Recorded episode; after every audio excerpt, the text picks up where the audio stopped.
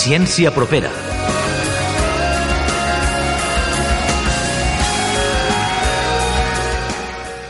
En un futur pròxim, els vehicles es comunicaran entre ells i seran capaços de prendre decisions intel·ligents a través de comunicacions mòbils i no ja a través de radars i càmeres com fan ara.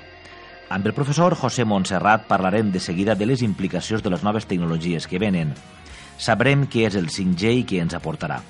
D'entrada serà 10 vegades més ràpid que el 4G.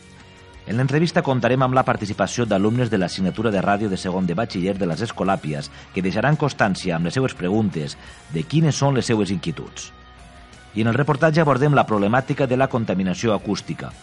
El darrer estudi desenvolupat des del campus de Gandia sobre l'impacte de la cartera nacional 332 al seu pas per algunes poblacions de la Safor ens deixa unes xifres preocupants.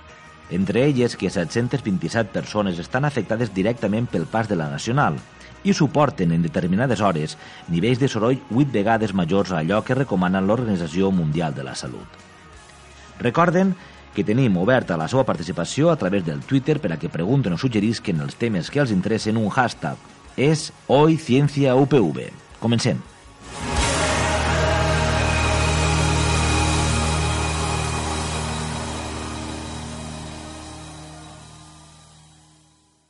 José Montserrat, professor de la UPV, expert en comunicacions, benvingut. Buenos días. També tenim avui el privilegi de tindre en ciència propera els alumnes de segon de batxiller de les Escolàpies de Gandia. Eh, estan tots així, a l'estudi i també al, al, a la part del tècnic. I tenim tres alumnes que faran de portaveus, i són Òscar Canet, Enrique Chova i Guillermo Galeano, que van a participar en esta entrevista. Benvinguts a tots. Bon dia. Primer que res, expert en comunicacions i un dels temes que més tracteu es la comunicación entre vehículos. Sí, eh, lo, no estamos acostumbrados, pero en un futuro bastante próximo los vehículos hablarán entre ellos y utilizarán tecnología celular para hacerlo. Lo necesitamos sobre todo porque está viniendo ya, y la gente ya lo sabe, los vehículos eh, totalmente autónomos en su conducción. Y estos coches autónomos, pues eh, ahora mismo se funcionan con una serie de radares y láseres, escáneres y demás para intentar evitar un accidente pero ya se han demostrado ineficientes y ha habido accidentes, eh, un, hubo un primer muerto de, de, la marca Tesla, producto de no utilizar esta tecnología auxiliar que serían las comunicaciones móviles. Una comunicación més intel·ligent, podríem dir, que va més enllà del que pot veure una càmera i que permet això que puguem millorar les comunicacions entre vehicles. Claro, sí, de hecho lo que pasó en el, en el vehículo de Tesla, eh, ellos van con unos láseres de proximidad que tienen como dos o tres metros de alcance y después llevan eh, cámaras de vídeo y a, mediante visión artificial analizan la imagen para detectar obstáculos. Simplemente el camión estaba parado, le brillaba el sol y entonces el, la cámara entendió, o el sistema de visión artificial entendió que era un reflejo del sol y no lo detectó como un riesgo, y invadía el carril y se estampó a 120 km por hora. La muerte fue inminente, el coche, el coche destrozado y más. Si hubiera habido un sistema de comunicación mediante balizas que simplemente manda una señal eh, radioeléctrica a los coches de proximidad, hubiera detectado que había un coche parado y hubiera frenado directamente el vehículo. Es para aumentar la inteligencia de la decisión. En quin moment estem d'aquest procés?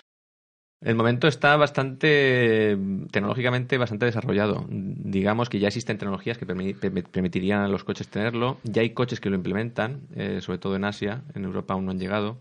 Y estamos más en un punto político de la decisión. Eh, hay una fuerza de poder entre Estados Unidos y Europa por esta decisión.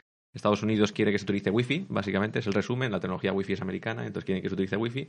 Y Europa, que es el bastión de las comunicaciones móviles, quiere que se utilicen los sistemas celulares, como si fuera nuestro móvil, pues que los coches sean un móvil y que tengan un sistema asistido por las estaciones base. Eh, no se ponen de acuerdo, entonces están viendo a ver quién gana esa decisión. Y, la tecnología 5G está yendo hacia la solución vehicular celular y en Estados Unidos está yendo a estas soluciones Wi-Fi.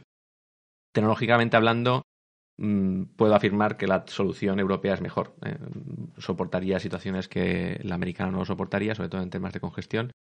Pero el tiempo dirá, al final es una decisión política. De hecho, eh, Obama quiere terminar su mandato aprobando su ley obligatoria para introducir esto en los coches y se supone que en 2025 todos los coches estarán conectados, de alguna forma o de otra, pero podemos decir que es un, un, un punto crítico final. de objetivo 2025. Enrique Chova cree que vol preguntarte precisament sobre el 5G. Eh, ¿En qué consiste la comunicación entre los coches de 5G?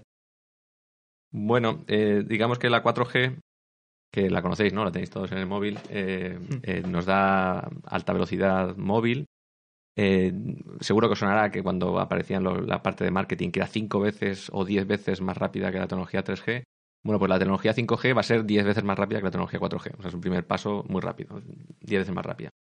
Pero no solamente es cuestión de rapidez, sino también es cuestión del tiempo que tarda eh, vuestro mensajito en llegar de un sitio a otro. Eh, una experiencia muy natural es que tú mandas un WhatsApp y cuánto tiempo tarda ese WhatsApp en llegar al otro WhatsApp del otro, ¿no? Pues tú ves que tarda un rato varios segundos porque tiene que subir al sistema, tiene que llegar a la estación base, tiene que llegar a la computadora, tiene que bajar, tiene que volver. Y a la persona que ahora mismo está en la, sala técnica le está llegando el WhatsApp de que bien me lo estoy pasando, pero con 10 segundos cuando realmente está al lado. Podría haber tardado, tardado nanosegundos, podría haber sido muy rápido. Entonces esos 10 segundos en un coche no se pueden permitir porque el coche directamente se estamparía. Entonces tiene que ser mucho más rápida. Entonces la cuestión de los tiempos de reacción de la red es eh, parece fácil de solucionar, parece que es una cosa, bueno, pues si es 10 veces más rápido será más, más rápido también la reacción, pero no es cierto. Porque está basado en la estructura de todo, de cómo está construida una red móvil. Hay estaciones base en las azoteas, hay centros de conmutación que están en Valencia, por ejemplo, aquí vosotros conmutáis en Valencia. Vosotros imaginaos lo ineficiente que es realmente la red que hay por detrás. La red 5G lo que va a permitir es la comunicación directa entre, entre dispositivos. No, no hace falta que nadie me ayude.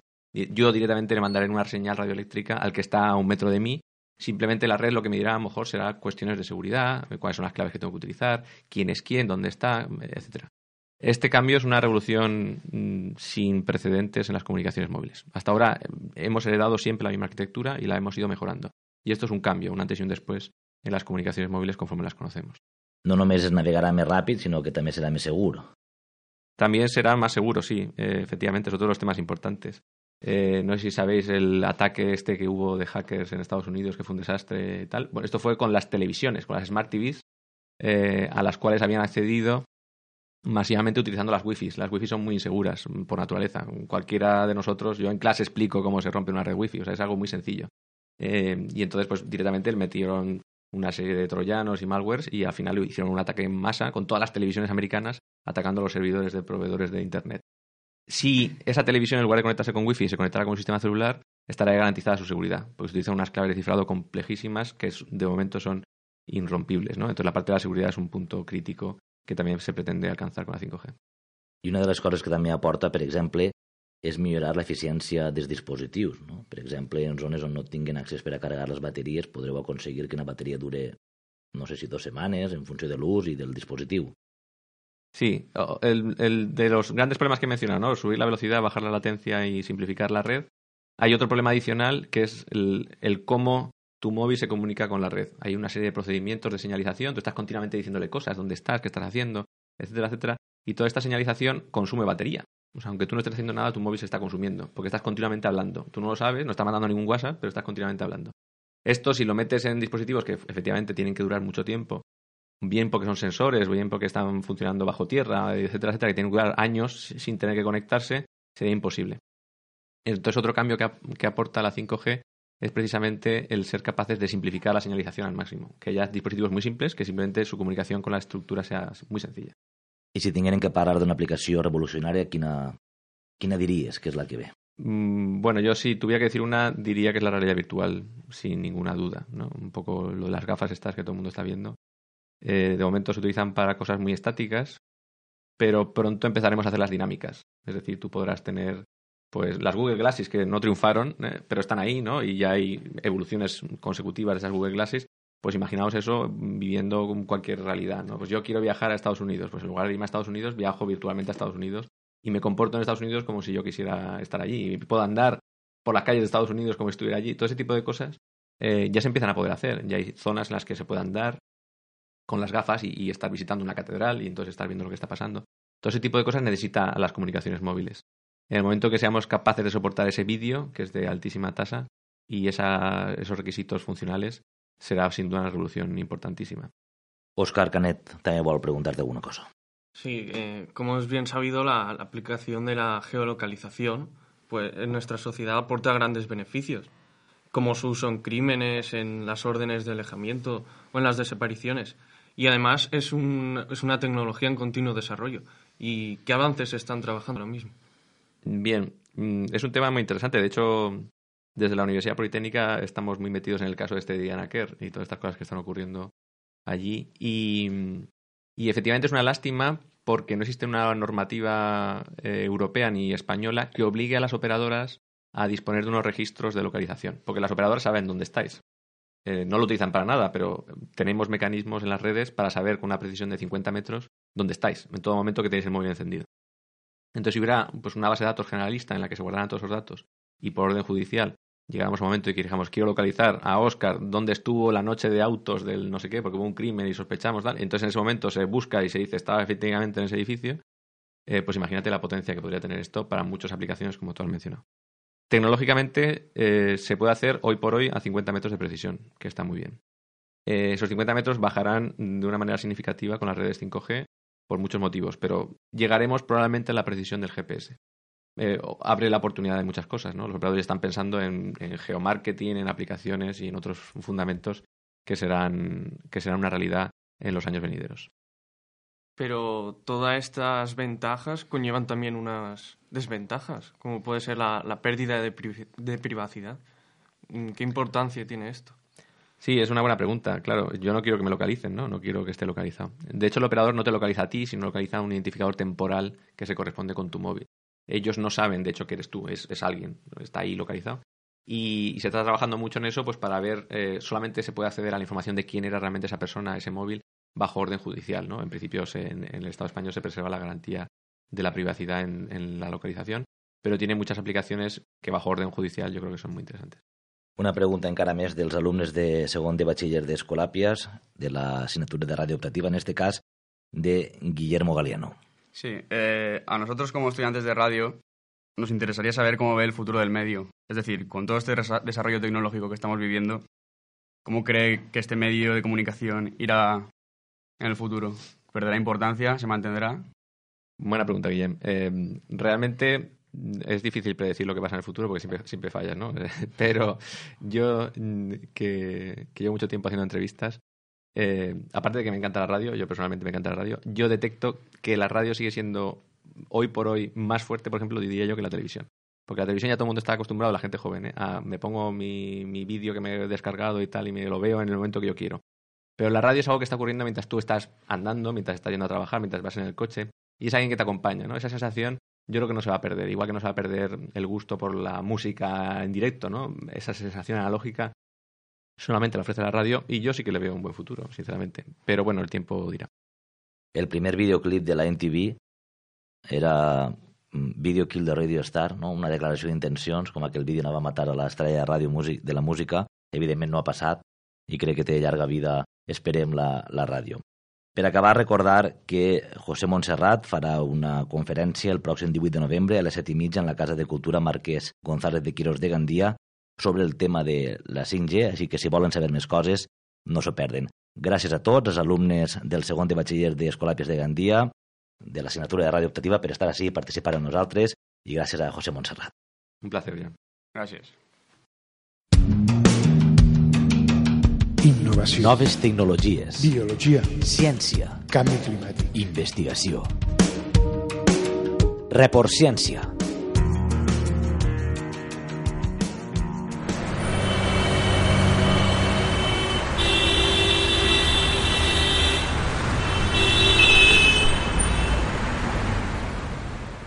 Les persones afectades pel pas de la carretera nacional 332 en poblacions com Berreguar, l'Alqueria o Palmera suporten en determinades franges horàries valors 8 vegades per dalt del llindar del soroll que recomana l'Organització Mundial de la Salut. Aquesta és una de les conclusions del darrer estudi sobre l'impacte acústic que s'ha realitzat per investigadors de la Universitat Politècnica de València al campus de Gandia arran d'una demanda de l'alcalde de Bellreguard. I el problema no és nou. A l'any 99 ja s'havien registrat aquests valors. Ara els resultats tornen a posar sobre la taula la greu situació de contaminació acústica que pateixen les poblacions que són travessades per la carretera nacional. Robina del Rei i Jesús Alba són els responsables d'aquest treball. Ens parlen del diagnòstic i de les possibles solucions. El diagnòstic ens diu no, el que està passant és que en tots els punts i a totes les hores hem superat els nivells de, de soroll permesos. En algunes hores en concret i en alguns punts inclús 8 vegades per damunt de lo que la llei ho permetís. Què és el que n'hi ha que fer? Pues, en principi, desviar pràcticament tot el cap dalt que tenim de, de camions, bàsicament, d'aquestes poblacions, perquè és un dels grans contaminants que, que està suportant aquestes poblacions. Within the sound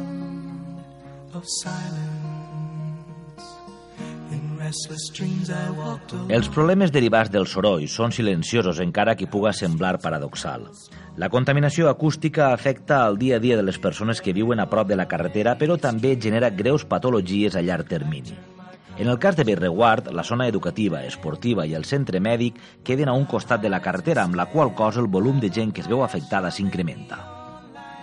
L'Organització Mundial de la Salut diu que que estar mesos a una contaminació acústica crea migranyes, crea problemes eh, d'estabilitat per, eh, per tindre els oïts com... La paraula no és entaponats, però per a que ens puguen entendre com entaponats, crea nivells d'estrès, problemes de no dormir, és un cercle perquè qui no dorm té més estrès, torna a no poder dormir, i els últims estudis eh, d'especialistes de, de, eh, americans, en aquest cas, diuen, Farres acaba de dir que està totalment lligat les zones on hi ha eh, nivells alts de soroll en els xiquets prematurs eh, de molt baix pes. El conveni entre la Universitat Politècnica de València a través del campus de Gandia amb els ajuntaments posa de relleu la importància de mantindre una via de comunicació fluida i constant entre les dues administracions. La universitat pot oferir a les poblacions menudes o sense capacitat d'implementar equips d'investigació i recerca solucions a problemàtiques específiques.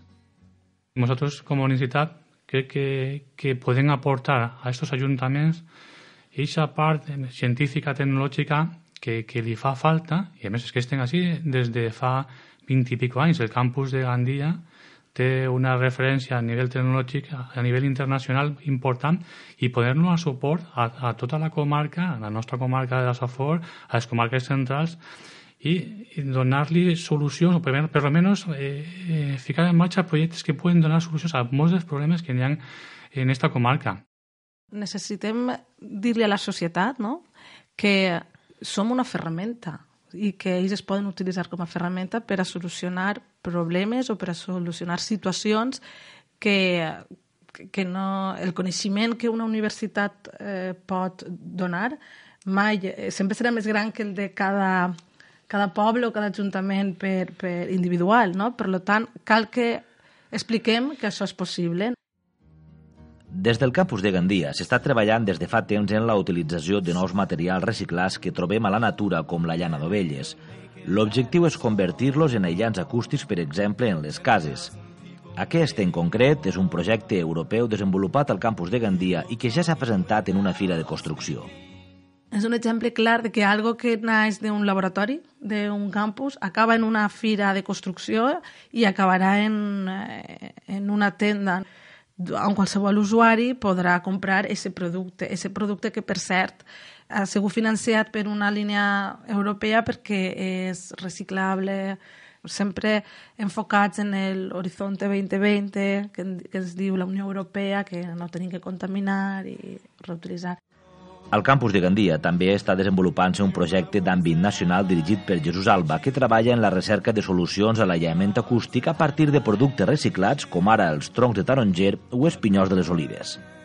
Intentem eh, convertir a de, olivo de taronger o eh, coses similars que són problemàtiques mediambientals en coses que servisquen, intentem donar-li a, a, nous materials per pa edificació des, de, des del punt de vista de, de l'aïllament, perquè sentisca menys el, l'aseo del veí o els passos de, de, del xiquet o que està jugant en la teva habitació, en la seva habitació, coses d'aixes més d'investigació. Investigació amb materials reciclats que ajuden a millorar l'entorn.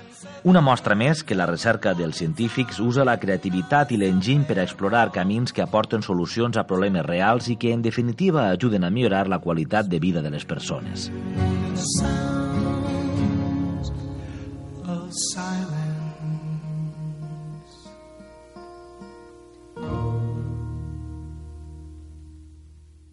Programa financiat per la Fundació Espanyola para la Ciència i la Tecnologia, Ministerio de Economia i Competitivitat, i amb el patrocini de la Càtedra d'Innovació del Campus de Gandia.